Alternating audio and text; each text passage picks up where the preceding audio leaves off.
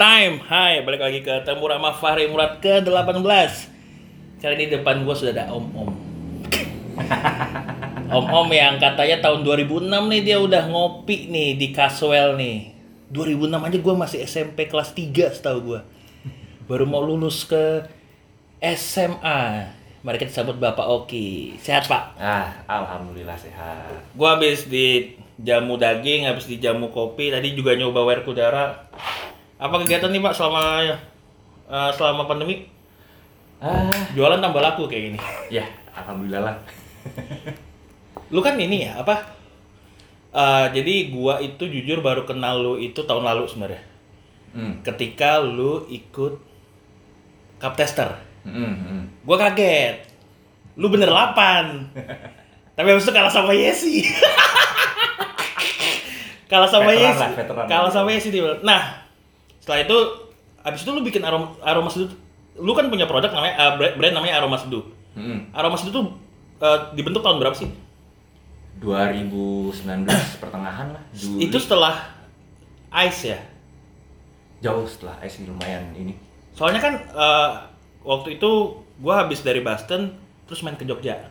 Hmm, hmm. Itu lu baru promosi awal kan? Eh enggak sih? Iya, iya, iya. yang ada barel, Iya. ada anak-anak juga tuh. Hmm, hmm. Nah, nah yang gue pengen tahu sebelum lu di aroma seduh background lu tuh apa sih pak?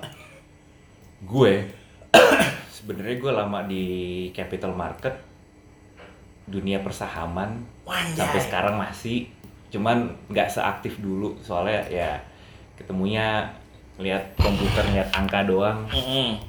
selama di kopi lumayan lah ketemu banyak orang teman baru ya Ta- itu Tapi lu udah ngopi dari lama? udah udah lama lah Terus terus? dari ya dari zaman kuliah di Bandung udah lumayan beli Lu lulusan mana sih? Eh ITB Wanjay. Sadis nih gua undip jadi jiper ya. Kalau boleh tahu lu tahun berapa lulus lu?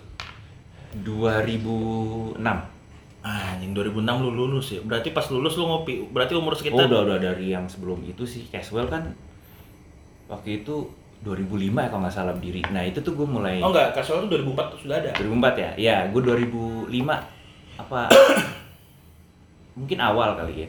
Gue ngeliat ada di acara di Metro TV diliput, terus gue langsung penasaran tuh gue cari. Ya, itu waktu itu best coffee yang ada di pasaran lah menurut gue. Sebelum itu lu ngopi di mana?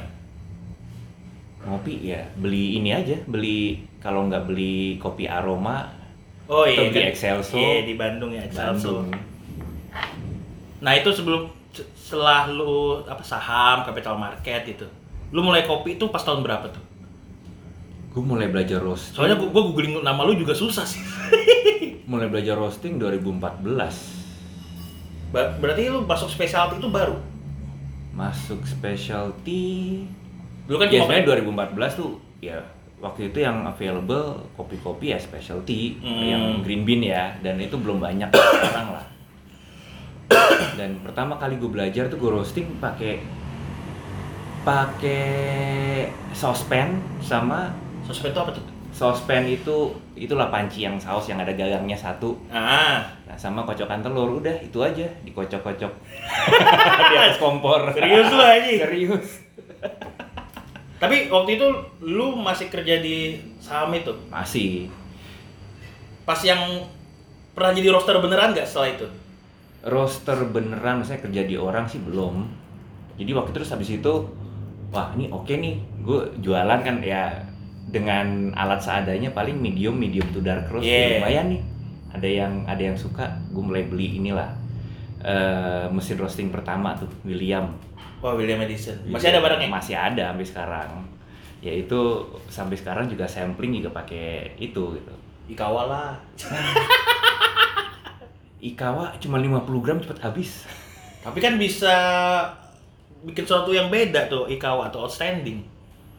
Lu nggak, lu bisa bikin sesuatu hal yang nggak bisa di mesin gede.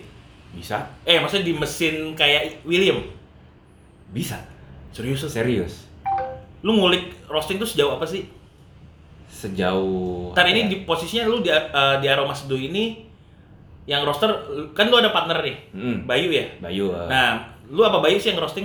Gue Oh, si Gue. Bayu lu posisinya apa? Bayu marketing terus ad- ad- admin IG Hmm. ya kalau nulis nulis konten sih ya berdua lah Ah, oke. Terus setelah lu baru belajar roasting beli William, terus ngapain tuh? abis itu ya home roaster Gak belum Belum. belum jualan. Eh waktu itu belum terus nggak berapa lama abis itu ada temen gue ngajakin "Ini bikin ini deh bikin roastery untuk komersial Apa tuh namanya itu, Pak? nah dulu namanya eh, Wibroski Wibroski. Ya, Kayak terus pernah denger. sekarang sekarang jadi pabrik produksi kopi Tapi lu udah nggak di situ.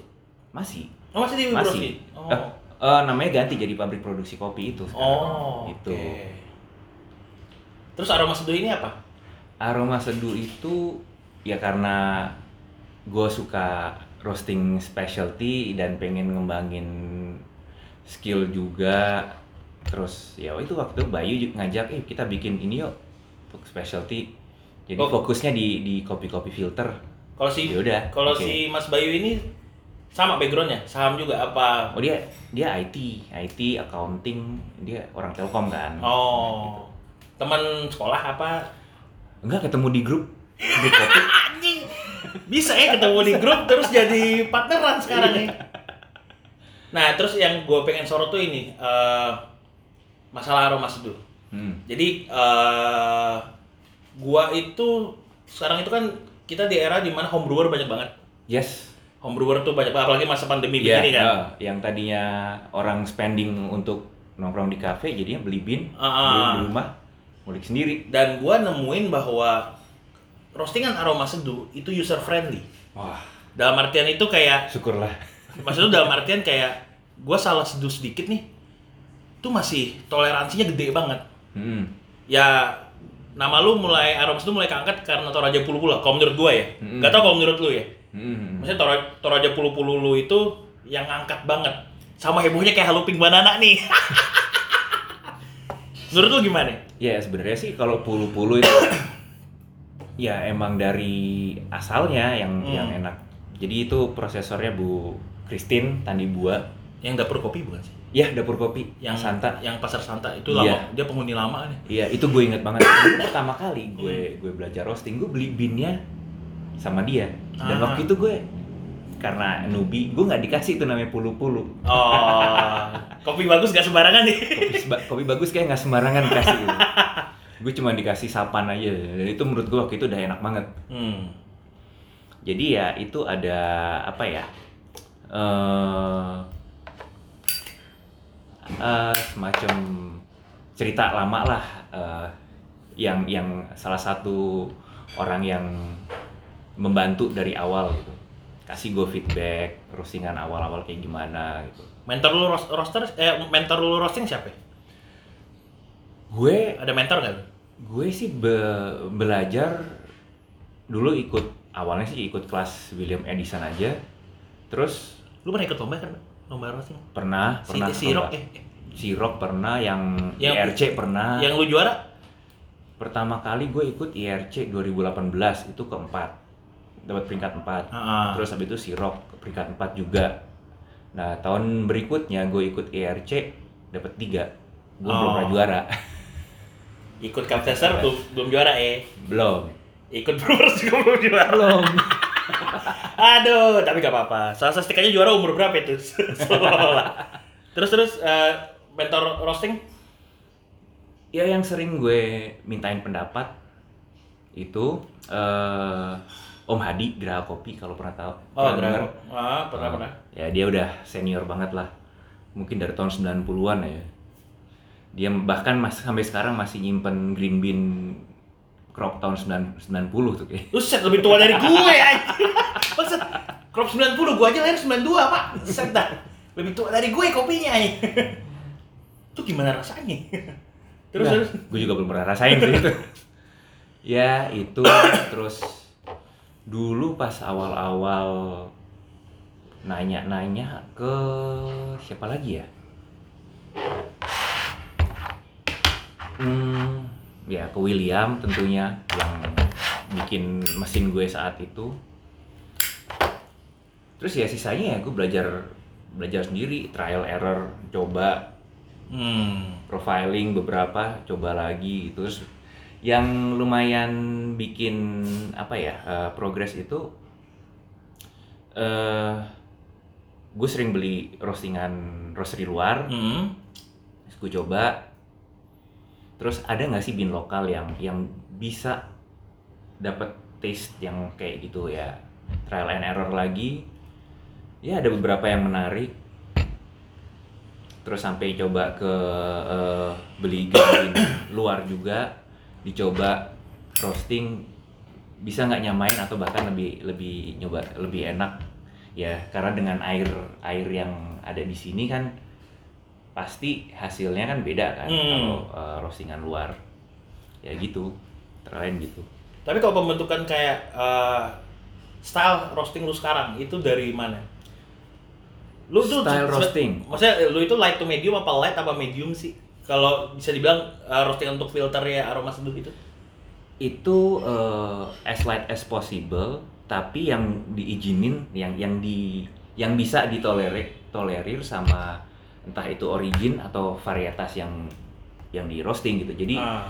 taruhlah anggap apa ya sigara rutang mau dibikin light ya pasti akan rasanya sayur asem gitu Oh, emang nggak bisa nggak bisa dipaksain light Soalnya kan gua nggak terlalu paham roasting nih. Hmm. Berarti lu patokannya ketika lu merosting sesuatu untuk mencari profile, patokan awalnya varietas atau daerah.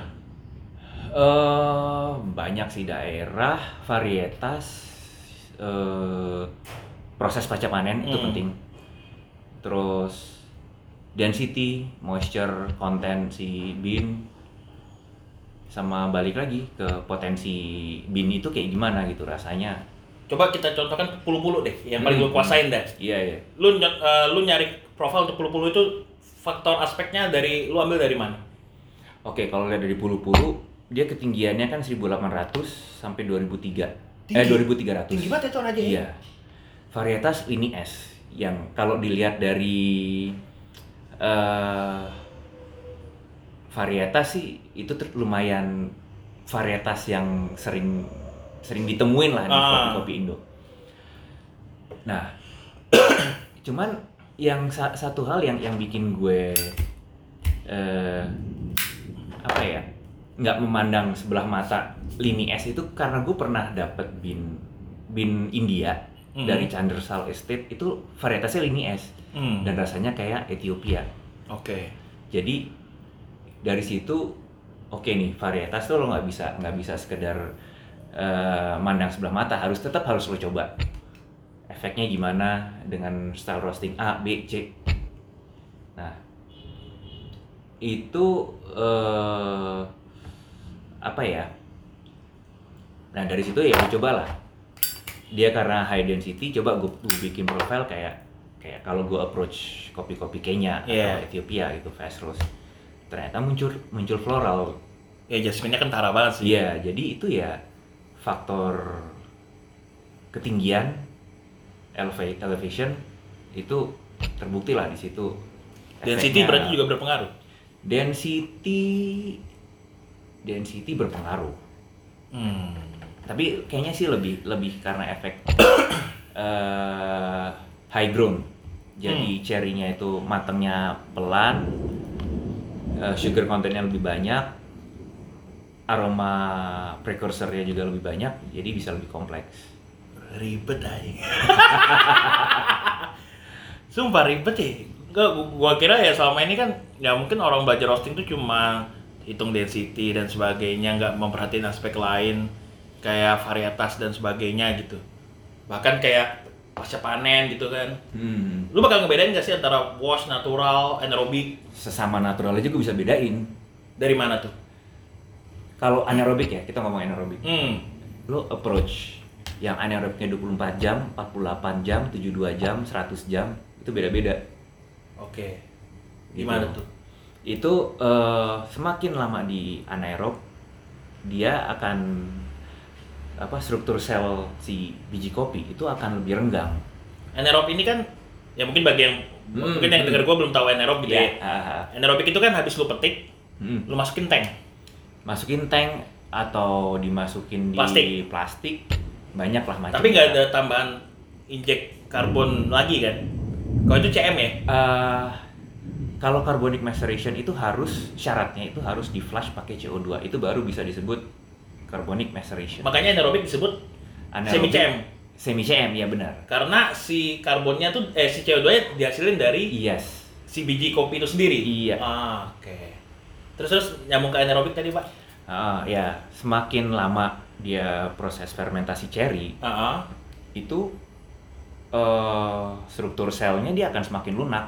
oke. Nah, jadi nggak bisa kena panas yang terlalu apa ya, terlalu kaget lah. Hmm. Gitu. Terus kalau yang nat- natural balik lagi tergantung varietasnya apa, mau mix varietas atau single varietas itu juga bisa itu beda dari Kalau mix lo, kalau mix lo apain? Kalau mix, kalau single anggap lo anggap eh, kita omong Ini gua kayak belajar roasting gitu. Iya. Gak apa-apa deh. Anggap kita approach dari satu daerah yang sama, Hmm. yang satu tipika, yang satu mix. Hmm. Kalau tipika dengan density yang sama, dia center center cutnya bukaan sama, otomatis kan lebih uniform. Hmm. Drying juga lebih uniform. Kalau mix varietas, entah itu campur sigara rutang atau ya di Indonesia mostly itu kati, eh, turunan Katimor banyak lah itu Iya. sigara rutang, ateng, ateng super, eh, kartika, terus apa lagi ya tim tim, nah itu tuh Katimor semua kan. Ah. eh dia butuh drying lebih lama. Hmm. Nah, otomatis kalau ada tipika atau lini es di dalamnya, ya harus ngikutin pace si yang paling lambat dari semua varietas itu yaitu sigara rutang. Oh. Makanya kalau mix var itu eh, sering kali itu nggak bisa optimal itu karena itu density-nya beda, terus di pas cherry pas masih jadi cherry itu kadar gulanya juga beda. Jadi efeknya ya bisa bisa lebih kompleks atau bisa juga saling ngaduk rasanya.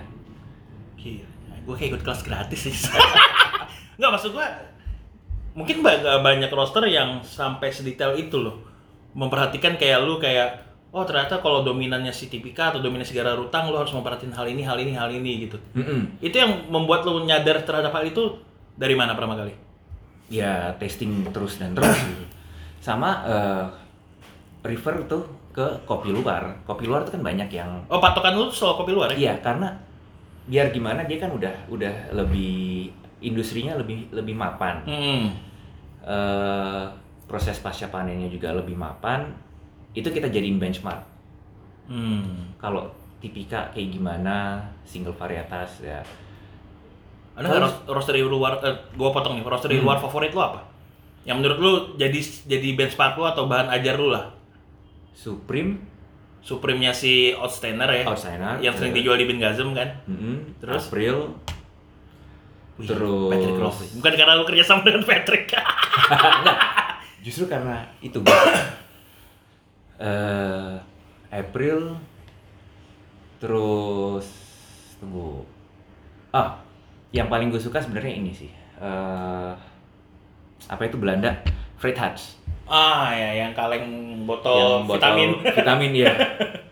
itu dia eh, develop gampang diseduh, ya, kopi-kopi Dan- gampang sentuh. nggak over roast, masih light. Itu gue suka itu. Jadi itu eh, bisa Sama dibilang, drop drop juga gue suka. bisa dibilang kayak era sekarang tuh light roast tapi developnya banget deh. Iya, light roast berarti eh, bukan berarti underdeveloped. Soalnya kan kalau gua gua ketika gua awal-awal belajar kopi, ketika gua dulu dulu kan banyak banget tuh yang anti light roast ya. Ketika ketika gua belajar kopi itu kayak Hmm. orang dengar light roast, wah ini vegetal nih, sayur nih. Itu banyak banget yang kayak gitu. Nah, Ah. sekarang tuh kayak banyak yang eranya berubah jadi kayak oh kita tuh light roast tapi develop gitu. Hmm. Well developed lah kalau mungkin kalau Andrew Tandra ngomongnya apa well developed gitu ya. Iya, iya, iya. Sampai akhirnya kadang-kadang tuh gue bingung antara ini light to medium apa memang medium gitu. Karena orang kadang-kadang tuh light to develop pas orang nyebutnya light roast. Hmm. Tapi ya mungkin karena gue sering giling pakai komandante, dengan klik yang sama, gue Hmm. jadi tahu nih bedanya feeling ketika keras apa enggaknya nih. Kalau keras tuh bisa bisa, jadi ada develop. Ah. Terkadang tuh ada yang ngomong light terus tapi kok renyah gitu. Gampang gitu. Ya itu lebih ya itu develop Eh, gimana caranya higher conversion rate Ah. Berarti si Aromas itu arahnya ke situ ya. Iya. Nah, nih yang gue penasaran juga nih, Pak. Lu ngapain sih kompet? Udah tua juga. lu umur lu 37 apa 38 sih? Gue tahun ini 40 men. Anjing, anjing tua banget ya Allah. Kayak Om Hendri. Berarti lu peserta tertua ya tahun ini. Iya. Soalnya dulu ada yang lebih tua dari lu pas pas uh, 2018 gua kompet. Apa yang Eh, siapa tuh? Ada waktu itu pas gua 2018 bawa bapak, umurnya tuh udah 45 43 lah. Udah ubanan juga. Hmm. Kalau lu kan udah buanan. Tapi kan kalau kalau lu gua gua pertama kali ngomong ke lu berapa? Gua kira 32, Pak. 32 33 ternyata udah mau 40. Wah, gila gue awet muda gue. Bukan awet muda, main lu sama anak muda. ya kalau sama kopi kan main. Mhm. Mainnya sama anak muda. Nah, itu alasan lu mau compete turun ke kompetisi. Eh, ya gue ngerasa gue bisa improve itu dari competition. Lo dipaksa untuk push eh, boundary knowledge lo tuh di situ. Hmm. Itu dari sebenarnya at the end gue ikut cup taster, ikut roasting itu pengen nguji hasil roastingan gue tuh kayak gimana sih. Terus eh, nguji eh, maksa lidah gue untuk terus update untuk improve. Hmm. Sebenarnya itu. Soalnya anak anak muda aja nih yang di bawah gua lah. Gua kan 28 nih. Hmm. Masih banyak yang nggak mau kompetisi, Pak. Ma- Maksudnya minder gitu kompetisi gitu. Ya, Ngeliat lu aja, lu umur 39 bisa masuk 6 besar, wah. Bahkan sempat peringkat 2 kayak peringkat 2 peringkat 1 tuh pas penyisian tuh. dua lah. dua dua itu. Tuh harusnya jadi contoh buat orang-orang gitu kalau ya kalau lu lu menjadikan kompetisi sebagai sarana belajar. Iya. Nah, ba- banyak orang yang mungkin nggak mau oh gua gua nggak butuh kompetisi lah begini gini gini. gini." Kalau Ya, kapan lagi lo hasil lo dinilai dengan gratis oleh orang yang kompeten oleh ya? orang yang kompeten? Iya. Itu itu eh, penilaian objektif gitu. Hmm. Udah calibrate, udah calibrated, Hmm. udah ada world representative-nya juga lagi kan. Tapi lu masih mau kompet terus nih? Ya, Berilah jatah kami yang masih muda-muda, Pak. Tolonglah. Soalnya, ya itu jadi kayak apa ya? Jadi kayak main game sebenarnya. nah, gimana ya, tuh? Gue suka olah- olahraga permainan ya sama aja ini kayak Lu basket kan nih? basket. Gue udah gua udah ngambil foto lu yang lagi pakai baju Boston buat jadi cover cover di ini gua nih. Terus terus. ya gitu apa eh, ya gue suka gue suka game Hmm. Ya itu bagian dari ya enjoying life lah gitu Main-main lu serem juga ya. Main-main lu, tapi lu nggak mau ikut barista.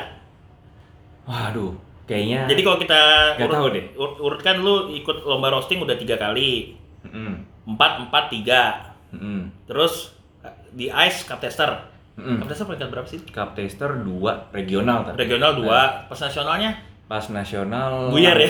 buyar gue sosokan ah gue nggak boleh makan nih biar beda gue ini tapi ya emang sebenarnya emang kalau cup taster ya lo lakukan apa kebiasaan lo biasanya karena lidah lo udah beradaptasi dengan kebiasaan lo Nah, kalau lu sengaja-sengajain malah hilang Iya. ya. kalau lo melakukan sa- satu hal di luar kebiasaan itu malah kacau Bener sih. Ya kayak umpamanya kalau lu biasa merokok sambil minum kopi, iya kalau emang emang lidah lu terbiasa ya dengan terbiasa dengan itu ya lo jangan ubah gitu. Hmm, banyak kok judge yang rokok iya. Tapi ya tahu diri juga. Maksudnya setelah sebelum lomba mereka nggak dulu kan. ya mungkin paginya kali ya Iya. ya nggak tahu lah tergantung kalibrasinya gimana yang nyaman buat mereka Di Brewers lu baru ikut tahun ini peringkat 5 ya. Hmm.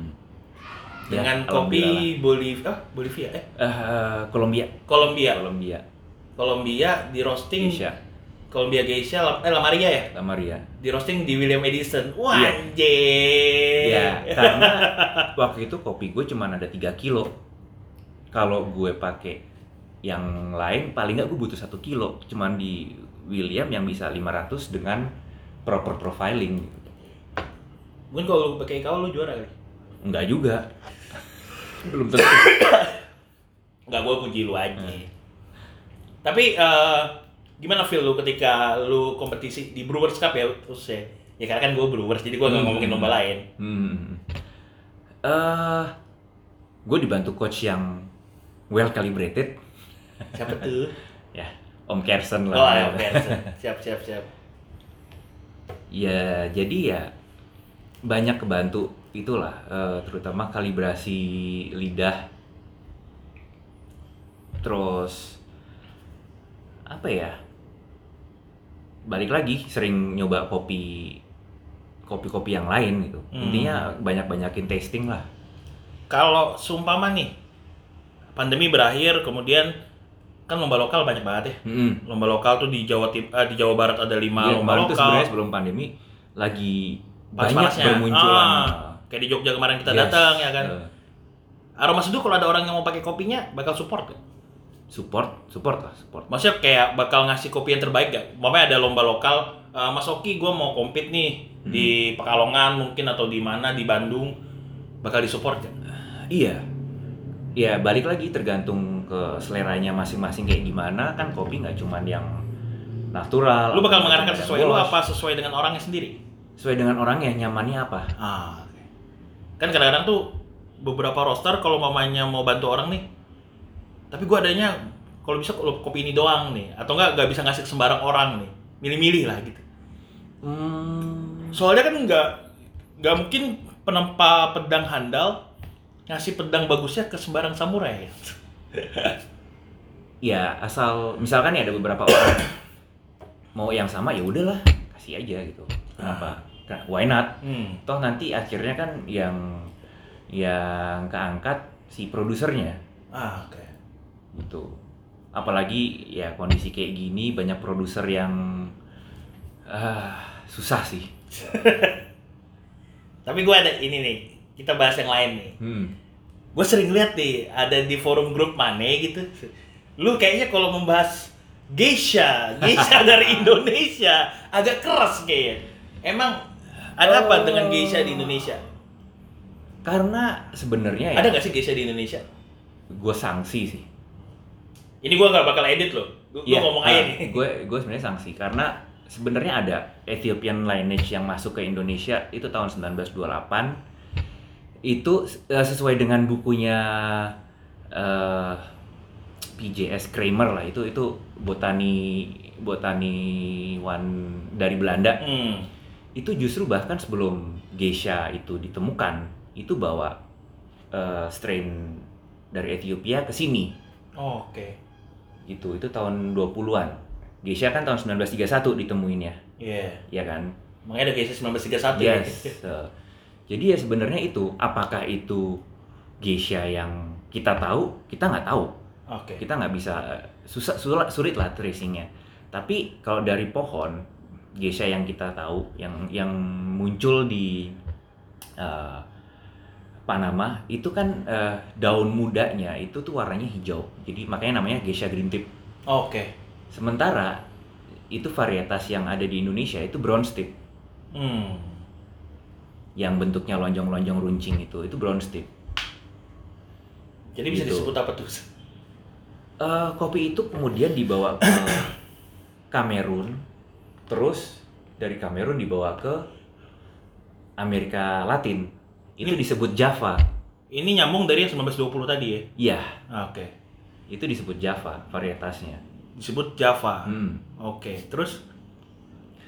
Em, kalau dari rasa, emang mendekati kualitas geisha, terutama di beberapa daerah ya di eh, Bolivia itu ada namanya Vincalas alasi- alasitas.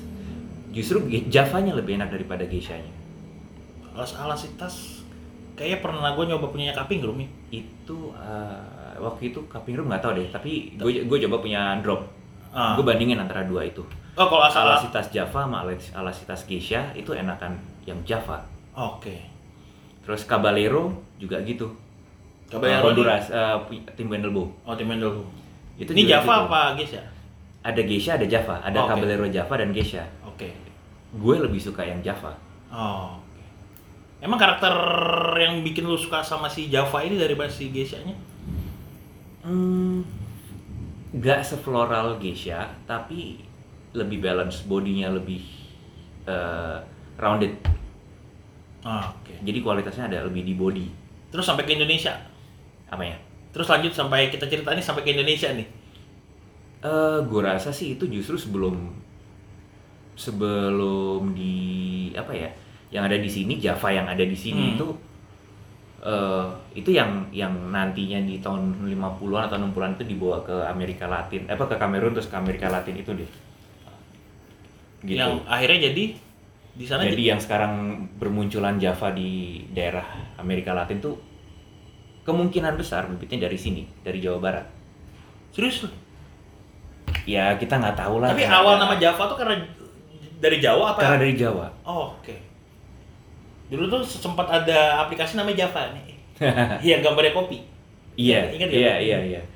Ya itu karena saking dulu tuh kopi itu asalnya banyak dari Jawa, makanya namanya cup of Java tuh ya cup of coffee. Ah, asal dari situ. Kan eh, di tulisannya itu juga ada tuh Dawes Dekker eh, tentang yang Ilmu lu gila juga ya sampai Dawes Dekker eh. ada dia dia yang yang yang bikin jadi Max Havelaar itu kan eh, judul bukunya sebenarnya apa ya itu eh eh, adalah itu tuh eh, Java Coffee Auction atau apa gitu lah. Hmm. Nah sebenarnya itu emang sejarahnya Indonesia itu dulu di kerja paksa ya untuk antara lain untuk itu untuk untuk kopi selain rempah dan teh Berarti bisa dibilang kita juga jadi sumber kopi dari dunia dong. iya di tahun 1800-an 1900-an ya itu mayoritas dari sini Dan nah gue kemarin tuh ada po- ada posting foto tipika. Mm-mm. Terus gue bikin tanya ah, bikin kayak ah, pilihan ganda di Instagram kan bisa tuh. Mm. Ini apakah ini tipika? Apakah ini Abyssinia? Apakah ini Java? Apakah ini Geisha gitu? Gue kira orang bakal tahu kalau ini tipika gitu. Tapi ternyata di Abyssinia, Java, Geisha itu lebih dominan jawab di Java gitu. Mm. Karena kan bentuknya mirip ya, iya iya runcing-runcing gitu. Nah, balik lagi Sunda Geisha tuh gimana, Pak? Eh, mungkin itu lebih ke branding ya. Ya, nggak bisa disalahin karena mungkin rasanya mendekati Geisha. Gitu. Tapi apakah layak jika menggunakan kata geisha di Indonesia gitu? Eh, gimana ya? Soalnya kan eh, ketika kita dengar geisha tuh ekspektasi kita tuh setinggi langit pak soalnya pak. Yes. Gak mungkin Kalau dari quality Hmm, masih kalah, masih kalah. masih kalah dari clarity, dari apa complexity masih kalah. Hmm. Tapi kalau dibandingin kopi-kopi dengan yang varietas lain dari dari Indonesia, dia ada di top inilah top 3 atau top 5 lah Jadi sebenarnya dari kualitas ya. itu geisha apa tipika apa abis ini apa Java? Kalau brown steep kemungkinan besar bukan, gitu aja. Kalau brown steep, Heeh. berarti kita harus ngeliat dari pohonnya. Dari pohon. Ah, pembeda terbesarnya dari situ. Banyak sih, kan kita eh, nentuin varietas itu dari pohon, dari bentuk daun, warna daun muda, eh rasa, Hmm. ya banyak sih faktornya. Terus eh, apa mahkota buah di di di, di bawahnya itu kayak ada ada yang membentuk kayak apa ya? Kayak mahkota gitu, ada yang Itu enggak. macam-macam Oh. macam-macam eh, ki- in general ya kita ngomong eh, klasifikasi in general tuh ya gitu Ah. Susah juga ya kalau kita. susah juga karena satu varietas yang sama ditanam di daerah yang berbeda itu ada kemungkinan 30% terjadi mutasi. Mutasi terjadi karena Karena unsur hara, tanah, iklim berarti banyak. ber- berarti kalau mamanya logika goblok gua nih, Hmm. bawa geisha nih, hmm. dit- ditanam bawa geisha dari Panama dia pia atau apa Iya. gitu, bawa ke Indonesia. Apakah dia bakal jadi Java gitu jadinya? Oh kalau jadi Java nggak, dia pasti akan jadi geisha tetap. Tapi, dengan kualitas yang beda. kualitas yang beda, bisa lebih jelek, bisa lebih baik. Ada yang pernah nanam gak sih? Gak tahu, Gak tahu ya. nggak tahu. Tapi gini, eh, geisha yang Panama ya, kita Iya. ngomong Panama nih. Yang ditanam 1500 ke bawah itu banyak yang kita ngomong dari wash, eh, jadi apa adanya ya. Iya. Wash geisha yang ditanam 1500 ke bawah itu ya not as complex as yang 1700 ke atas. Oh, Oke. dan rasanya eh bahkan kalau dari scoring bisa kalah sama bourbon yang biasa bourbon atau katura Gak sem- berarti gak semua geisha enak ya? nggak semua geisha enak Soalnya kan ada anggapan bahwa yang penting geisha, yang penting geisha. hmm ya gitulah Berat nih, gua gua gua, gua juga takut sebenarnya ngomong. Tapi intinya itu ya, maksudnya kayak kalau kita belum bisa sebenarnya mungkin kalau kita ngomong ada geisha-geisha di Indonesia, mungkin itu salah satu brand eh, marketing ya kali ya. ya bisa Karena kalau mamanya kita mau menelusuri lebih lanjut, gak ada juga yang mau menelusuri apakah itu beneran geisha. Kecuali lu penelusurannya susah karena semua rekor kan yang pegang bisa jadi rekor rekor tentang plantation di Indonesia lebih lengkap rekornya di Belanda daripada di di kita Puslit, iya. Ya, data-data kita semua ada di sana. sih. iya Anjing. ya, Susah aja. susahnya yang gitu Tapi eh, kan yang itu yang balik lagi kayak ketika di grup itu lu membahas gitu eh, itu salah satu usaha lu untuk mengedukasi apa gimana nih? Eh, iya, karena untuk orang bisa maju kan lo harus harus tahu tuh sebenarnya kayak gimana sih klasifikasi ininya. Ah, Terus yang rasa yang benar kayak gimana? Yang eh, apa yang harusnya lo harapkan dari satu varietas? hmm. Jadi eh, lebih apa ya? Lebih jelas gitu. Ribet nih. Kalau Abyssinia beda lagi. Abyssinia kan sebenarnya kan kata lain dari Ethiopian. Serius lu? Gue baru tahu nih, Pak. Dari eh, iya, Maksudnya kata lain dari Ethiopian tuh? Abyssinia itu sebenarnya daerah yang daerah kuno yang sekarang namanya Ethiopia. Oh, oke. Jadi karena karena kopi itu dari sana apa? Iya, karena Oh. kopi itu dari sana. Tapi bentuknya mirip dengan Bentuknya, nah itu juga banyak simpang siur gitu karena ada juga yang menjadikan Abyssinia itu jadi grade eh, ini, grade apa sortiran. Jadi yang sortiran udah bagus dinamain Abyssinia gitu. itu Bukan kalau vari- menurut menurut menurut literatur ada yang yang bilang gitu bukan dari varietas ya berarti dari sortiran. dari sortiran ada yang bilang begitu tapi sebenarnya kalau yang yang sebenarnya nama Abyssinia itu mengacu ke satu daerah di mana sekarang negara Ethiopia itu berada Sama seperti geisha yang katanya nama desa. nama desa Karena kopi itu dari sana makanya dikasih nama geisha. Mm-mm. Geisha tuh yang benar tuh geisha pakai i apa enggak sih? Geisha apa gesa?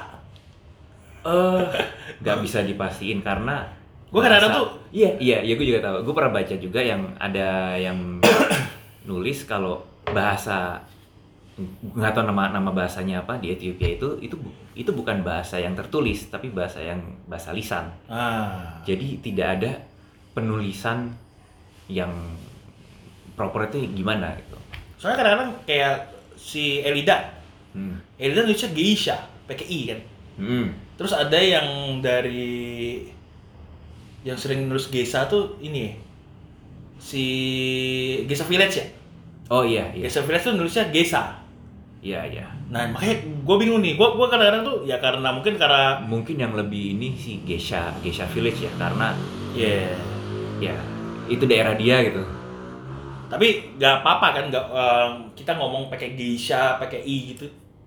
Gak masalah sih. Soalnya kan ya, sih gak masalah. ya kan maksudnya kan sekarang tuh ada It's all in the cup. Sekarang- Sekarang tuh kan eranya di mana orang tuh pengen terlihat pintar semua, Pak. Ada yang nyebut salah sedikit tuh dibenerin gitu. Maksud gue yang kayak gitu-gitu tuh. Kalau gue sih ya, gue sih selama ini gue gue patokan gue ngeliat dari teman-teman kayak si Wilford, dia nulis Geisha ya gue ngikutin aja sampai sekarang gitu. Mm-mm. Terus kalau mamanya gue lagi minum kopinya Geisha Village ya oke gue nggak bakal pakai i gitu. Gitu doang kalau gue gitu. Gak ngaruh signifikan juga berarti. Ya, sebenarnya poinnya apa sih? Poinnya kan yang lo minum, lo yang lo nikmatin ya udah nikmatin aja. Nah, lu nih sebagai seorang roster, pendapat lu mengenai pasca panen yang era sekarang, yang namanya lebih panjang daripada nama beansnya anjing. Ah, oke. Sekarang gini, kalau kita ngomongin pasca panen, sebenarnya tujuan awalnya itu apa sih? Tujuan awal pasca panen itu gimana cara mengolah kopi eh, yang se seefisien mungkin sesuai dengan iklim yang ada. Itu Itu tujuan utamanya tujuan utama dari pasca panen. dari dari proses pasca panen, bukan cita rasa. Oh, gua kira cita rasa. Bukan, dari situ dulu. Sekarang kenapa di Sumatera itu wet hull? Karena ya yang paling cocok dengan kondisi alam itu ya wet hull. Ah, Paling banter wash. Ethiopia kenapa natural? Karena susah air. ah oke. Brazil juga susah air.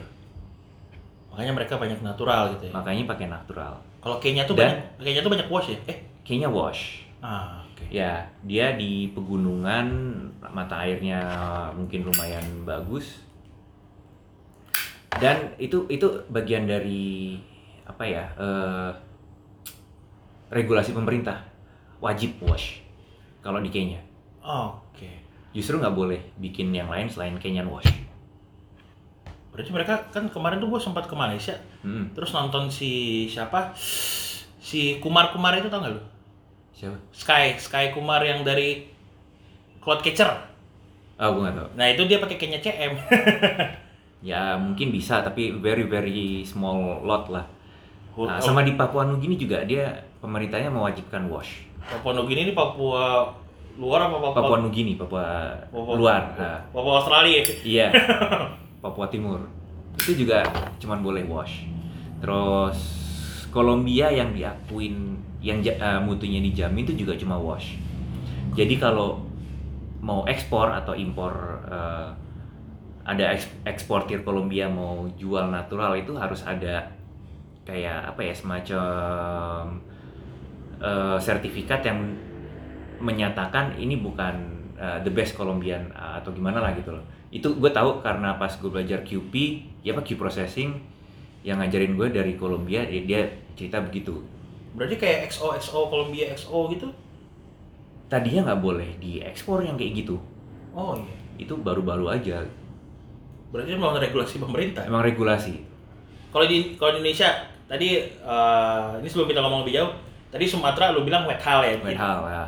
Kalau Jawa, Kalau Jawa itu acuannya di Jember itu udah udah eh, apa SOP SOP zaman Belanda itu wash wash. wash Eh, jadi full wash dry hull Hmm. kalau tadi Sumatera bisa jadi bisa full wash wet hull atau semi wash wet hull Ah, Oke. kalau kita ngomong ke apa full wash atau semi wash itu tuh dari pas fermentasi si mucilage itu Ah. gimana terendam air namanya full wash Ya. kalau di apa nggak terendam air bisa disebut semi wash Oh. Kalau Flores, Flores sebenarnya curah-curah hujan juga tinggi berarti Indonesia tuh sebenarnya identik dengan wash ya? Apa semua negara tuh wash, wash. identik sem atau memang lebih lebih tua mana sih? Lebih tua tuh natural kan sebenarnya? Lebih tua natural paling tua natural karena nggak perlu banyak air dan untuk daerah-daerah yang kesulitan air kayak di Ethiopia itu itu yang paling efisien ya proses pasca panen itu. Berarti wash memang yang paling dominan ya di dunia ya. Iya. Tapi, eh, nah gue pernah ngob, eh, ini gue seringan gue pernah ngobrol sama roastery di Amerika waktu gue ke sana, saya coffee, Hmm. Dia itu di toko itu cuma ada wash. Terus gue tanya, Iya, ya. Tim Bandelbo juga cuman ada "Eh, kenapa lu wash doang gitu? Sedangkan banyak pasca panen yang aneh-aneh nih zaman sekarang nih. Terus dia bilang, ya kalau lu mau tau karakter asli dari daerah, Yes. lu harus minum wash. Iya, benar. Karena dia eh, betul-betul bijinya doang. Iya, gue kalau misalkan nih ada satu farm atau prosesor nawarin eh green bean, Hmm. gue akan minta washnya dulu kayak gimana, Supaya tahu karakter supaya tahu karakter karakter daerahnya gitu. Iya, varietas, misalnya single varietas apalah, ateng, ateng super dari mana nih misalkan, eh gayo, ya coba misalkan di desa ini ateng supernya kayak gimana? Ah. Buat mengecek keaslian karakter daerah ya. Bukan keaslian tapi eh Potensi. Potensi ya. Berarti Dan seringnya sih berarti lebih lebih optimal yang wash eh, dry hull atau wet hull Ah. dibanding yang natural ya untuk daerah ini ya. Daerah Sumatera karena emang curah hujan kelembaban tuh tinggi sekali. Jadi- Jadi kalau untuk natural atau honey itu dibutuhkan effort yang jauh lebih besar lah dibanding ini. Makanya si Deborah, Deborah Wash namanya Deborah Terroir ya. Ah ya bisa juga. Karena de- Terroir kan wilayah ya. Mhm. Berarti kayak ini ya lu mau ngerasain Deborah asli, mau maksudnya Deborah dengan karakter yang biji kopinya beneran. Iya, iya Si bisa disebut gitu, bisa dibilang gitu. Nah, balik lagi tadi lu bilang fungsi pasca panen menyesuaikan dengan iklim. Iklim ya, jadi em, gimana cara mengolah yang paling efisien itu Hmm. eh, pasca panen itu disesuaikan dengan itu, gitu. Di era anaerobic CM dan sebagainya, bagaimana itu Bapak? Kalau scoring dari scoring bisa lebih tinggi, Hmm. complexity naik, acidity, body bisa apa sweetness bisa naik. Cuman eh, balik lagi ke selera. Apa lo bisa minum itu setiap hari atau enggak? Dengan begitu banyak very many things going on di, di flavornya. Ya, ini anggaplah gua, gua anggaplah gua awam ya. Ah, ah. Emang ada kopi yang nggak bisa diminum setiap hari, Pak?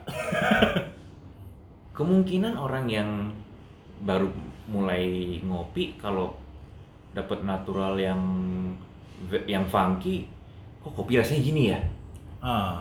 entah bisa jadi ih kok, ih, kok menarik Hmm. atau ah ini bukan kopi Oh, karena rasanya yang berbeda jauh. ja, iya ada ada terjadi dua polarisasi di situ Ah, oke.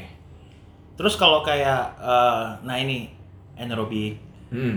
terus CM, anaerobic wash gitu. Yang dilakukan sama teman-teman kita di Hmm. Indonesia gitu. Apakah itu sesuai dengan standar anaerobic yang sebenarnya? Atau mereka menciptakan regulasi sendiri atau gimana? Kalau menurut lu dari selama ini yang lu roasting gitu? Ya di dunia juga belum ada regulasi tentang Soalnya kan- itu gitu jadi ya just do whatever yang Soalnya kan menurut lo Bisa bisa dibilang nggak sih sausage stick itu warisan terbesarnya si CM ini? iya Maksudnya kayak dia ngubah peta banget gitu, ngubah peta permainan banget. tapi itu terutama untuk untuk espresso ya kalau Hmm. untuk CM kalau untuk ini manual bro. manual brew sih kurang gue masih lebih suka natural Hmm. atau anaerobic natural biasa dibanding CM apalagi yang dipakai Sasa Sestik itu CM wash Oh iya. bukan CM natural Tapi eh, dari sisi lu sebagai roster, negatif positifnya pasca panen yang sekarang tuh apa? ya banyak flavor baru itu positif negatif ya mungkin ya paling harga lah Soalnya kayak gini kayak Isal Isal Isal Isal masih Bandung. Dia kan sempat ngomong tuh, bosan nggak sih dengan kopi anaerobic natural rasanya strawberry strawberry doang gitu. Maksudnya kayak karakter rasanya tuh mau lu dari daerah mana pun mirip. Nah, kalau di proses pasca panen itu anaerobik natural atau CM, itu memang flavor itu lebih dari ininya eh, lebih dari dipengaruhi oleh proses pasca panen, bukan terroir. Hmm. Apakah itu suatu hal yang bagus? Kalau lo bisa nikmatin itu, ya fine, nggak masalah. Gitu. Terus eh, varietal notes-nya itu biasanya muncul di akhir kalau udah dingin. Kalau sigara rutang mau dibikin anaerobik natural, pasti endingnya ada spice. Entah itu cinnamon atau ginger. Itulah pentingnya kita nyobain kopi Iya. sampai dingin ya. iya, iya. Itu lagi, ya. Jadi lebih kayak rasa sebenarnya banyak lebih banyak positifnya sih proses-proses Karena jujur kayak aneh itu. Ka- Karena jujur kayak eh, kalau menurut gua pribadi ya, Hmm. ketika proses anaerobik muncul, itu tuh kayak ngebantu kopi-kopi lokal kita tuh buat flavornya Iya. menyamain dengan kopi luar iya, gitu. Iya, buktinya eh, bisa dipakai buat world juga kan? Iya. Bisa dibawa ke world untuk terutama untuk eh, barista. Hmm. Mungkin kalau untuk brewers agak sulit Sorry to say. karena but eh gue sampai sekarang masih masih mencari tahu kenapa aftertaste-nya masih belum se clean Kopi. entah itu geisha bukan kopi luar Hmm. va- satu varietas Hmm. ini mengacu ke geisha doang sih Iya.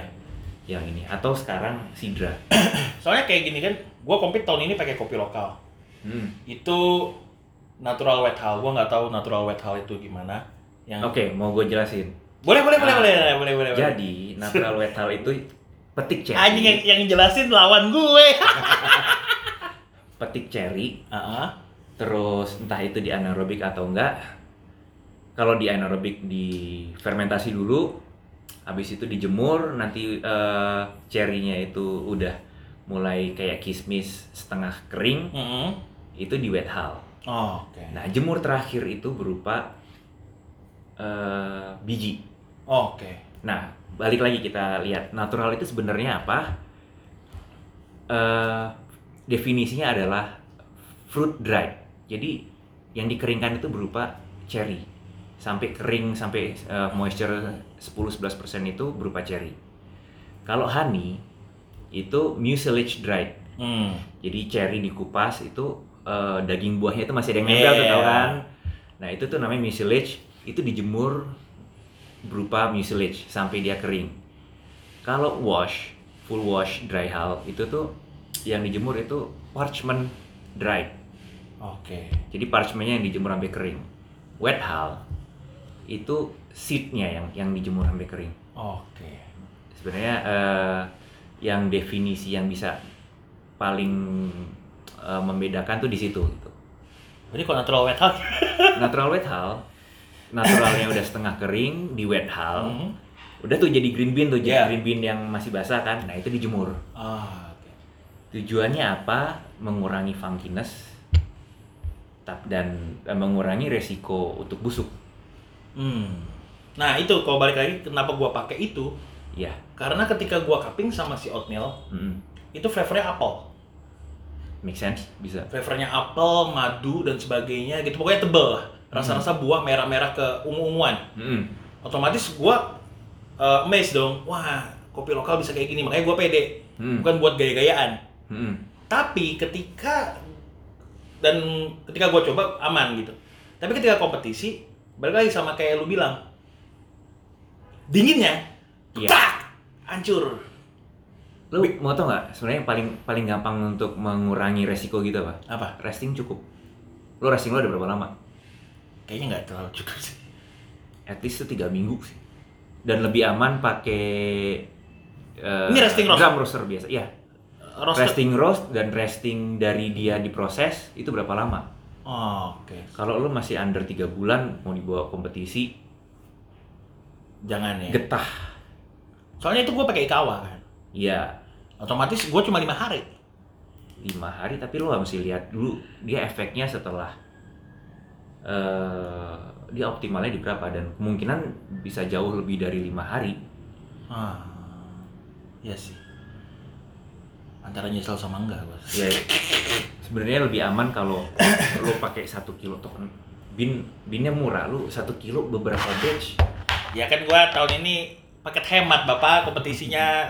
Kecuali lu mau support gua tahun depan. Nah terus eh, balik lagi nih kayak penamaan-penamaan. Dulu kan kalau kita beli kopi nih, Hmm. Gayo Sarawalo, desa ini ini ini, wih Hmm. panjang. Sekarang cuma Gayoto, tapi nama pasepadannya panjang banget. Nah, tapi yang gua kadang-kadang tuh kayak, ya gua, gua sorry itu saya masa kayak, gua nyoba extended natural, Hmm. terus ada double extended natural, terus ada extended wine. Nah itu gue yang bingung tuh. itu gimana itu? Kalau extended ya kita tahu sebenarnya kan wine coffee itu namanya extended natural lah. Jangan kopi wine sekarang tuh namanya dikasih extended. Sebenarnya iya. Ah, Nama yang yang yang sebenarnya lebih lebih tepat itu extended natural. iya. Karena dilamain kan. Kenapa namanya disebut wine coffee? Ya bisa dipahami karena balik lagi kayak proses eh, fermentasi wine. Yang di Si- caranya ya. Iya, buahnya itu emang dibekap. Cuma orang Nggak salah. Iya, iya, iya. Cuma orang kan terlalu ini ya. Denger namanya itu loh. Pikirannya udah enggak enggak. Bad reputation kan. Iya. Banyak yang disebut wine coffee tapi ternyata nggak se nggak se funky itu dan nggak se kecut wine coffee yang dulu dulu kita tahu lah. Soalnya gini, apa? Gua nyobain 90 plus nih ya. Hmm. pu- punyanya. Terus gue nyobain 90 plus punyanya si Regina W yang juara Malaysia tahun ini. Hmm. Itu kalau kita minum di panasnya nih, panasnya tapi tapi itu geisha ya. Iya, iya. Panasnya nih. Mungkin gua, gua langsung ngomong anjing ini kok bau gayo wine gitu. Iya. Cuma ketika Sama aja soal Iya. gitu. Cuma ketika dingin, wah yang namanya geisha ya. Makin dingin dia makin itu aftertaste. cakep, terusnya cakep. Kelebihannya emang di situ. Nah, cuma maksudnya kayak apa memang? Jangan-jangan nih gue sampai mikir gue kalau compete lagi nih bisa dapat juara gue pakai gayowen aja kali kalau kalau kalau yang lagi yang menang gini-gini gini-gini terus nih funky funky begini nih. Eh, kelebihan geisha itu balik lagi di aftertaste, clean. nah. Sekarang kita cari. Varietas lokal apa sih yang bisa clean? ah, tipika. Tipika Clean bisa, tapi banyak yang spicy juga. iya. Karena sebenarnya agak susah juga ya apa eh, mengisolasi 100% galur murni tipika yang nggak ada apa eh gen campuran atau mungkin di kebun tipika ada kebun katimor ada ada Hmm. pohon katimor yang bisa aja kita nggak tahu lah nah jadi kayak eh, apa sebenarnya tuh kopi kita itu eh, layak kan eh, Miki ngomong kopi lokal kita enak kalau kalau udah bisa dipakai espresso di kompetisi. Iya. Berarti murni kopi doang. Ya kan? Murni maksudnya murni single varietas. Oh. Itu nah akan lebih gampang untuk di eh, ini untuk di di roast ya. Ya untuk mendapatkan profil optimalnya itu akan lebih gampang kalau single varietas. Tapi eh, lu seberapa pede lu kalau kopi lokal kita dibawa ke WBRC Eh pede nggak masalah sih. Dengan kalau untuk milk untuk signature beverage itu Manual Brewing. Yang kopi tok nih. Gue belum nemu sebenarnya. Yang layak buat dipakai ke dunia nih maksud gue itu. Jangankan ke dunia ke nasional gue belum nemu. Berarti gue goblok banget di tahun ini anjing! Mix par lagi ya selama ini sih gue tetap tetap mencari. Hmm. dengan berbagai kopi yang Dan ada di aroma seduh itu. sumpah nih lu juara Brewers lah. Tahun Hmm. kapan lah tapi gue dulu lu juara Brewers Cup. Lu main di World. Lu bakal bawa kopi lokal apa luar? Em, dengan target eh, target juara. dengan target posisi tertinggi lah. Entah itu final apa enggak gitu. Kopi luar. Kenapa nggak berani pakai kopi lokal? Wih, gua gua balikin nanya ini soalnya gua Ah. gua kemarin tuh udah bosen pak ditanyain gitu. Pak mas Fahri kenapa nggak pakai kopi lokal pas WBRC nggak pernah nyoba di anjing. Hah. ya balik lagi. Itu kan dirasain dari panas sampai dingin ini biar lu aja yang ngomong nih. Itu kalau gua udah capek soalnya jadi ya gue belum nemu sampai sekarang yang apa eh, dinginnya bisa Outstanding lah ya. outstanding. Kayak geisha varietals itu belum. Even Ethiopian gue belum nemu juga yang kayak gitu. Walaupun dengan pasca panen yang sekarang udah bisa diutak tetap aja itu di varietas kayaknya jadi entah kita Varietas nanam- apa dari- varietas lokal apa dari wilayah? yang lebih tinggi hmm Selama nih kita nggak tahu juga karena itu sebenarnya itu sebenarnya motivasi gue ikut uh, gue ngambil Q processing tuh itu Ah, oke. Lu ada gak sih kepikiran kayak eh kan semakin tinggi semakin bagus ya nggak sih? iya Kayak tadi lu ngomong Toraja tuh Toraja Pulu-Pulu tuh 1800 sampai 23. hmm. Nah, lu umpama lu punya proyek jangka panjang lah. Bawa sesuatu hal satu single var di ketinggian itu lu tanam di situ bakal jadi enak nggak? Ini logik logik gampang aja. sih. Jika dengan ji- ji- jika itu dengan atribut yang sesuai lah. Hmm. ya itu emang butuh nggak bisa cuman sekedar 2-3 tahun 5 tahun sih itu itu panjang Tapi ada kemungkinan nggak? Apa karena memang wilayah kita nggak sebagus unsur hara di Panama? Enggak, kalau unsur hara enggak. Unsur enggak, hara enggak, enggak? enggak, enggak, enggak bisa di, ya mungkin bisa lebih bagus. Ada yang bilang kayak ya Panama bisa gitu karena unsur haranya bagus gitu. Dia kebetulan cocok dengan varietasnya. Gitu sih. Kalau di Indonesia tuh varietas paling cocok apa sih sebenarnya? Ini S. Ini S. Ini S. Kenapa? Eh, kalau ini dari gue ya. Hmm. Lini S itu lo endingnya itu nggak ada spicy atau apa. Oh, oke. Dan dari pulu-pulu Lini S tuh bukannya ada banyak jenisnya? ya? banyak. Ya maksudnya ya, ya cuman itu sih. Tapi lini S yang ditanam di satu daerah sama daerah lain bisa efeknya beda. Oh. Meskipun dengan ketinggian yang sama. Soalnya kan kayak teman kita nih Rizky Kurniawan. Wah itu Hmm. tipikal banget kan anaknya tuh. Ah, iya, iya, iya. Terus eh, kemudian orang kayak dulu tuh zaman-zaman ketika gue 2018 compete di Brewers. Itu kayaknya kalau lu mau compete tuh harus tipika. Karena di- dianggap mendek flavornya mendekati geisha. Ya itu yang Itu mungkin kan sebenarnya itu yang disebut Java itu kali ya. Itu yang- panjang-panjang Ah, kan. ya. Kayak yang panjang-panjang. Ah, itu yang tertanam di otak kita dulu kan kita makanya dulu kayak lu nggak mungkin nggak dengar puntang tipika di kompetisi Hmm. pasti selalu ada puntang tipika di kompetisi Brewers. Apalagi kalau mamanya kita ada regional ya. Hmm. tapi kan ya mungkin sekarang peta permainan tuh mulai berubah karena pasca panen ini. Hmm. nah menurut lu gimana tuh? Kalau mamanya eh, tadi kan lu bilang yang cocok tuh lini S gitu. Even lini S banyak yang endingnya tuh berasa apa kayak eh, ada ada slightly woody tetap Oh. sih eh, ini ya tipika sejauh ini emang bisa bisa di yang itu yang paling mendekati sih emang emang bener gitu Tapi kalau tadi lu bilang lini S paling cocok, alasannya apa? Alasan paling gamblangnya lah. ya itu itu yang paling gampang ya Hmm, itu kan dibawa sama Belanda kan iya. Ya, dia kan pasti resource untuk researchnya kan udah inilah mendalam lah Hmm. ya menurut gue ya karena itu Lini S yang paling terkenal di kita di mana?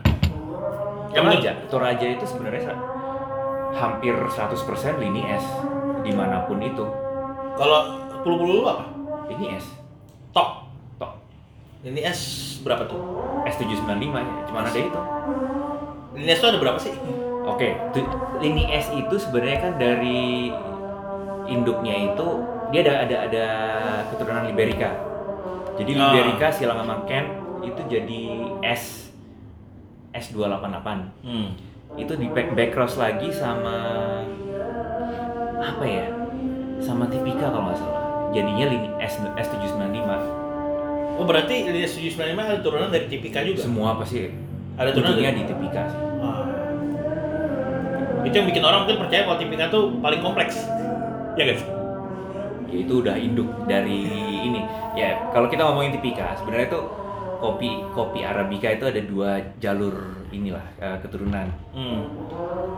Eh, keturunan Yemen Yemen itu tipika tipika ya Hmm.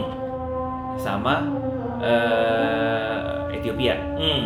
yang Yemen itu dibawa ke Indonesia kembang biakin sama Belanda terus eh, ada Prancis nyolong seed juga yang dari Yemen itu dibawa ke yang pulau yang sekarang namanya Bourbon ditanam di sana dia mengalami mutasi Oke.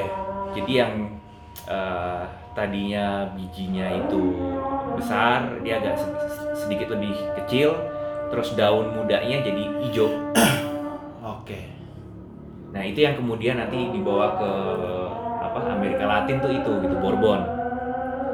Nah jalur keturunan yang satunya lagi Ethiopia itu yang di tiap tiap desa itu ada varietas liar lah. Makanya kita sering nemu Ethiopian heirloom tuh itu itu kan terdiri dari beberapa varietas itu kan? banyak itu kayak setiap desa ada var- varietas sendiri. Gile. Itu itu kayak sebenarnya kayak yang terjadi di teh. Teh di Cina itu juga gitu. Satu daerah namanya Wuyi itu ya varietasnya beda-beda. Udah ada yang daunnya lancip-lancip panjang, ada yang daunnya lancip-lancip kecil. Itu Ethiopia tuh kemungkinan kayak gitu. Tempat asal kopi. Pantas jago lu ya. Nggak, maksudnya kayak ya kalau kayak gua nih, gua jujur kayak gua tuh murni brewer lah. Hmm. Dalam artian kayak yang gua hadapin itu ya cara penyeduhan. Hmm. Dari tadi gua ngobrol sama lu tuh kayak anjing. Lu yang lu pelajarin tuh banyak banget, Pak. Ya, sebenarnya lu belajar kopi itu lu belajar berbagai macam culture. Iya. Lu cara nikmatin kopi di Turki beda sama di Timur Tengah. Ah. lu kalau di Arab itu roasting belum first crack tapi di infuse sama eh, di roastingnya bareng kapulaga, pala Ah. gitu. Terus lu ke Itali. Very dark. Prancis lebih dark lagi. Sampai Spanyol. minyak kan tuh. iya.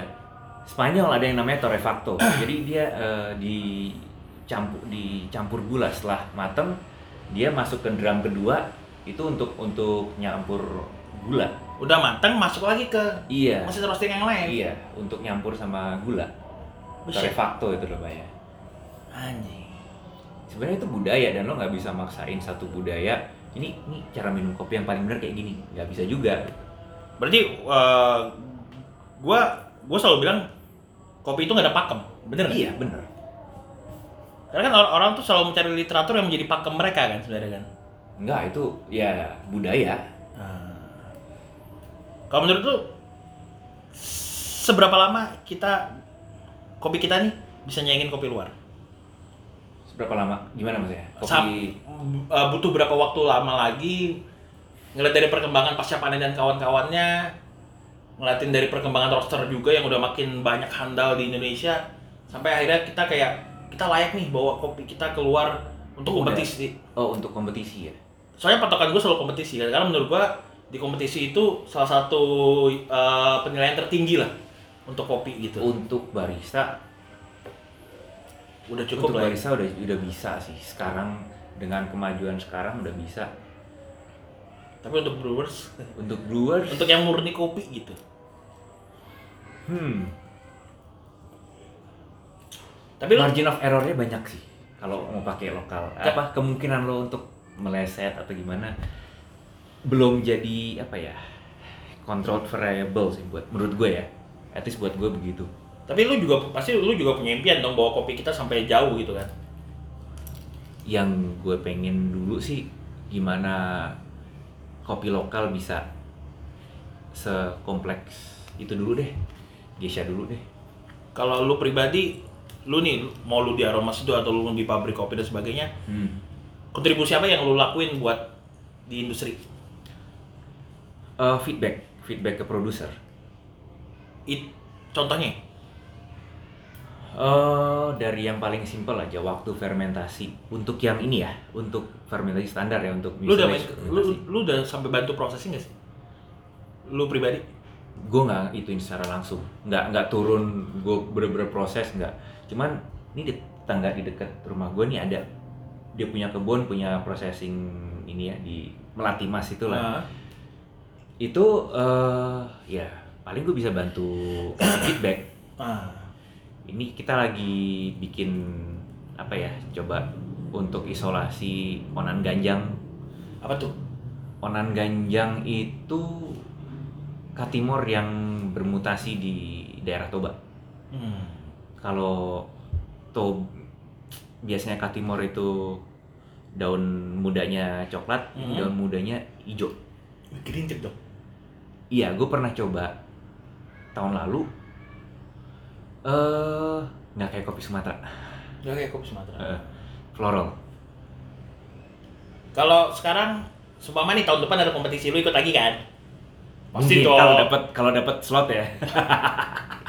Kalau mamanya ada regional Mhm. lu ada bayangan nggak lu bakal pakai kopi apa? Gue sebenarnya kemarin udah nyiapin beberapa. Apa contohnya? Antara lain pulu-pulu.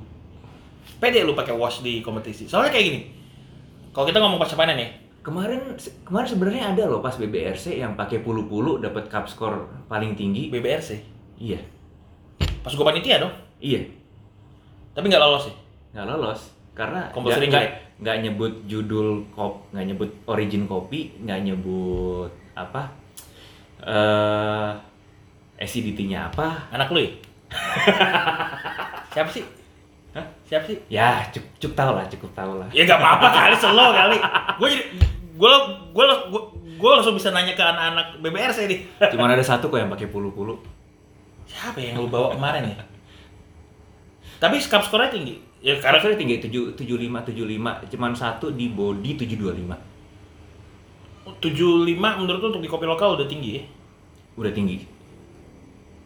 soalnya kan kalau sebenarnya sebenarnya kalau kompetisi itu bisa diakalin di lain. Kan Eh, lo mau akalin apa? Lebih lebih tebel, enggak kalau kalau gua permainan gua. Nilai bawah. nilai bawah. Iya.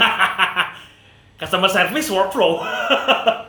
Itu yang gue sebagai newbie bel- belum dapat kemarin. anjing nubi dari mana? Peringkat sekali tanding langsung peringkat 5 bangsat kagak ada. Lu mah nubi nubian lu. Nubi palsu lu. Nah, ya gitu sih. Ya, gue ngerasa kemarin tuh gue lebih bisa kontrol di kopi dan roastingan gue dibanding workflow atau presentasi gue gitu. ya, Karena ya biar gimana gue nggak berpengalaman di situ. Gue ngerasa nggak ber- belum berpengalaman di situ. berarti kalau ada lomba lagi lu pede bawa Toraja puluh-puluh ya Regional nih, iya regional PD. soalnya kan eh, ya, tadi yang gua sempat singgung kompetisi itu banyak yang natural pak Natural lokal kelemahannya ada di aftertaste selalu ya dan itu ntar mengurangi nilai acidity. seumpama nih Toraja puluh-puluh nih Hah, kalau kan Toraja puluh-puluh wash nih hah. kalau dibuat anaerobic wash bakal cakep gak? Tahun ini udah coba. udah Udah. udah jadi barangnya Eh, belum Belum tuh Bu Christine. Eh, udah jadi barangnya sama Bu Christine. nanti bakal dijual nggak? Baru baru coba 10 kilo. Oh Testing dulu. Nggak soalnya soalnya gini eh, ya gue nyebut merek lah Sem Semendo Anaerobic Wash garapannya Raymond Hmm, hmm, hmm. gue coba hmm. di roasting kan di roasting si oatmeal tuh gue coba itu kayak ngebantu banget buat ningkatin kualitas si wash Iya, iya. Dalam artian tuh kayak- anaerobik iyalah selalu. dalam artian tuh kayak body dan sweetnessnya naik banget gitu Mm-mm. bahkan gue sampai ngomong anjing nih kayak Kenya Nil gue bilang gitu kan Make sense. terus gue bilang nah, terus gue langsung kepikiran kalau Toraja puluh-puluh dibuat anaerobic wash dengan karakter flavornya yang udah ada jasmine dan black currant dan sebagainya ditambah lagi dia punya sweetness yang tinggi dan body yang bagus proses dari anaerobic apa nggak tambah cakep tuh anjing Lo kalau udah pakai anaerobik, itu variabel processing lo jadi banyak. Karena di situ ada fermentasi. Nah, itu yang yang sulitnya tuh di situ. Bisa jadi lebih bagus, bisa jadi nggak sebagus itu. Oh nggak mes nggak nggak tentu selalu, ya You pik- have to hit the right notes. ah tapi bakal dijual nggak gue gue penasarannya kalau Tor- Toraja Nah. puluh aja gue demen banget gue kalau nggak ada duit beli Toraja puluh pak masalah so seribu enak jasmine anjing gitu kagak ribet Gimana? Di, bakal dijual nggak tuh? nggak tahu nih kalau banyak kalau cukup banyak sih bisa bisa dijual Ya tapi kalau testing boleh lah, gue mampir. yuk ke Santa boleh boleh Ke santai. mungkin next week lah Emang udah ada barangnya? udah Udah gue roasting? tuh harusnya tuh dari minggu lalu dari Jumat lalu cuman karena banyak demo-demo ah, udah ntar deh habis demo deh Di selatan kagak ada demo, bapak. Ya. Di Menteng no, demo no, ABCD tutup no. Ombek sampai tutup no. ya Terus harap ini, ini terakhir nih, gua Hmm. harapan lu ke kopi kita nih. Gue selalu nanya ini nih ke semua nih. hmm. Harapan lu ke kopi kita apa nih? Indonesia nih. Em, pemerintah lebih dukung ini sih karena biar gimana kopi itu komoditi yang nomor dua loh most traded commodity di Nomor satu apa ya? dunia nomor satu minyak Nomor satu minyak, nomor dua kopi kopi. Di Iya. dunia ya, bukan di lu lihat di Nasdaq di apa New York Stock Exchange Hmm. itu volume harian kopi nomor dua Hmm. selalu Harapan lu pemerintah turut lebih serta. banyak iya mendukung dan bukan bukan sekedar eh, ngejar productivity Hmm. tapi research ke varietas baru karena untuk dapat satu varietas tuh nggak nggak cukup cuman 5-10 tahun mungkin Tadi lu apa? 20 tahun Mencari varietas baru. iya research itu Emang mau diapain lagi Pak varietas baru? ya kita nggak tahu kita nggak tahu eh, bisa potensinya bisa kayak gimana Ah, Oke. Terus itu harapan lu pemerintah ikut terus, terus serta. Mm-mm, tapi ya kayaknya Susah susah, ya. ya jangan berharap lebih lah. gitu. ya, ya jadi ya sebenarnya ya coffee people ya ikut bantu feedback eh, terus eh, banyak educate supaya makin banyak home brewer orang bisa appreciate Iya. kopi lokal.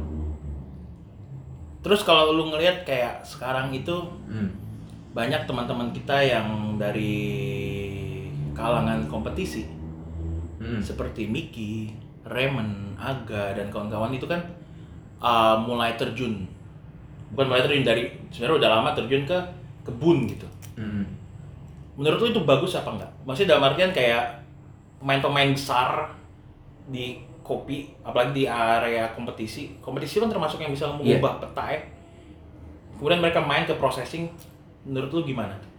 ya itu bagus karena emang sekarang gini deh kompetisi itu kan kayak perang Mm-mm. teknologi ya sejarah peradaban manusia teknologi itu eh, kemajuannya meningkat di saat perang selalu Ah, Oke. sebenarnya itu sama aja itu itu itu ada rhyming lah di situ competition mendorong inovasi Jadi eh, nggak salah ya. nggak salah Apalagi sekarang itu kayak prosesor atau yang megang kebun lah. hmm. Itu banyak anak mudanya kan sekarang. iya Kayak dan selalu minta feedback kayak kayak Frinsa eh, itu kayak Fikrinya sekarang Fikri, aktif. ya. Fikri aktif. Terus eh, mungkin Andre dari Tuang ya kan. ya Andre dari Tuang terus Mas Hendra Maulizar gitu Hmm. kan. Terus ada Pak Irwan dan sebagainya yang aktif gitu. Itu kan bisa dibilang kalangan muda ya. hmm. itu eh, harapan lu apakah ber- dari mereka doang apa butuh orang-orang baru lagi nih anak muda yang seumuran gue gitu 25 28 banyak kok di Bandung yang masih muda yang seumuran lu? Yang kita nggak tahu? Iya sih. Yang eh, yang yang namanya belum ini? Tapi kan Terkenal. tapi kan gini maksudnya kayak mungkin jangan kan jangan kan di Bandung di Gayo itu juga udah banyak. Ah, daerah Toba juga mulai. Itu eh, menurut lu mereka turun mereka sebagai anak muda turun ke Eh. kebun. Itu karena tren atau karena memang ada satu hal yang mendorong mereka bisa tren bisa itu mendorong bisa karena mereka passionate ya kalau dipikir eh, yang paling bener ya untuk di Indonesia ya industri industri agraris kan Iya sih. Karena wilayah kita yang kaya Iya. terhadap hal itu gitu. jadi Menarik. kalau kalau misalnya mau dihitung lagi produktivitas kopi di sini tuh masih rendah itu masih bisa di dioptimalkan lagi sebenarnya. Ta- Tapi eh, kita kan negara penghasil ya. Hmm. Kita bisa nggak jadi negara penghasil yang juga konsumennya tinggi? Harusnya bisa. Ini masih ini masih rendah sekali. Masa sih? Masih rendah. Dengan kopi susu loh tuh. Iya. Eh, kopi susu tuh membantu nggak? Menaikkan menaikkan tingkat konsumsi kopi di negara. eh kopi susu itu eh, membuat eh, apa ya perubahan kebiasaan dari yang sachet ke kopi yang lebih proper. Nah, tapi masalahnya ba- banyak pemainnya yang nggak nggak seproper itu menggunakan kopi. Eh, Iya nggak sih? masalah, yang penting itu buka market dulu. Ah, oke. Nah sekarang orang yang yang sekarang minum kopi susu, ya namanya manusia, mereka Hmm. pasti akan mencari sesuatu, selalu selalu mencari lebih. Hmm. Entah itu, ini gue habis minum kopi susu kok bosen ya, gue cari ah, gue coba brewing sendiri di rumah. Ah, mungkin beli yang medium roast yang rasanya paling mendekati kopi susu Makanya Aroma itu sering-sering giveaway biar pembrewer semangat. nah iya dong gua menang gua diprotes anjing. lo udah setelah, setelah nyoba berapa kali lo menang gua udah nyoba berapa kali baru bisa menang anjing seumur umur gua baru menang nih. Jadi gitu ya Pak ya. iya jadi ya eh, kopi susu itu membuka market sih sebenarnya Soalnya kayak kakak gua yang nggak biasa minum kopi filter, hmm. tapi dia menggilai kopi susu. ya nggak masalah Bahkan nggak, uh, gue cerita dalam area yang positif ya. Gue sampai ketika gue lagi nyantai duduk gitu, ini nggak ada kopi apa ya? Wih, kakak gue ini nyari kopi boy. Dua tiga tahun yang lalu dia nggak pernah ngomong kayak gitu. ya lo lo pernah nggak coba anaerobik natural dibikin espresso terus dibikin kopi susu Belum. itu enak banget Anjing. Itu mau lu jual kopi susunya Itu- berapa ya bangsat? Iya, nggak masalah. Tetap itu kalau dari kos, ya bisa kok dengan satu cup dua puluh ribu, dua puluh dua lima satu shot bisa split kan? Kalau kopi wine proses dipakai kopi susu pernah nggak lu? Iya sama aja main aerobik dan extended natural. Ntar kita coba deh. Oke Bapak oke, terima kasih banyak sudah meluangkan waktunya di jamu lagi. Sampai ketemu Pak sehat-sehat selalu. Amin amin. And this is my time.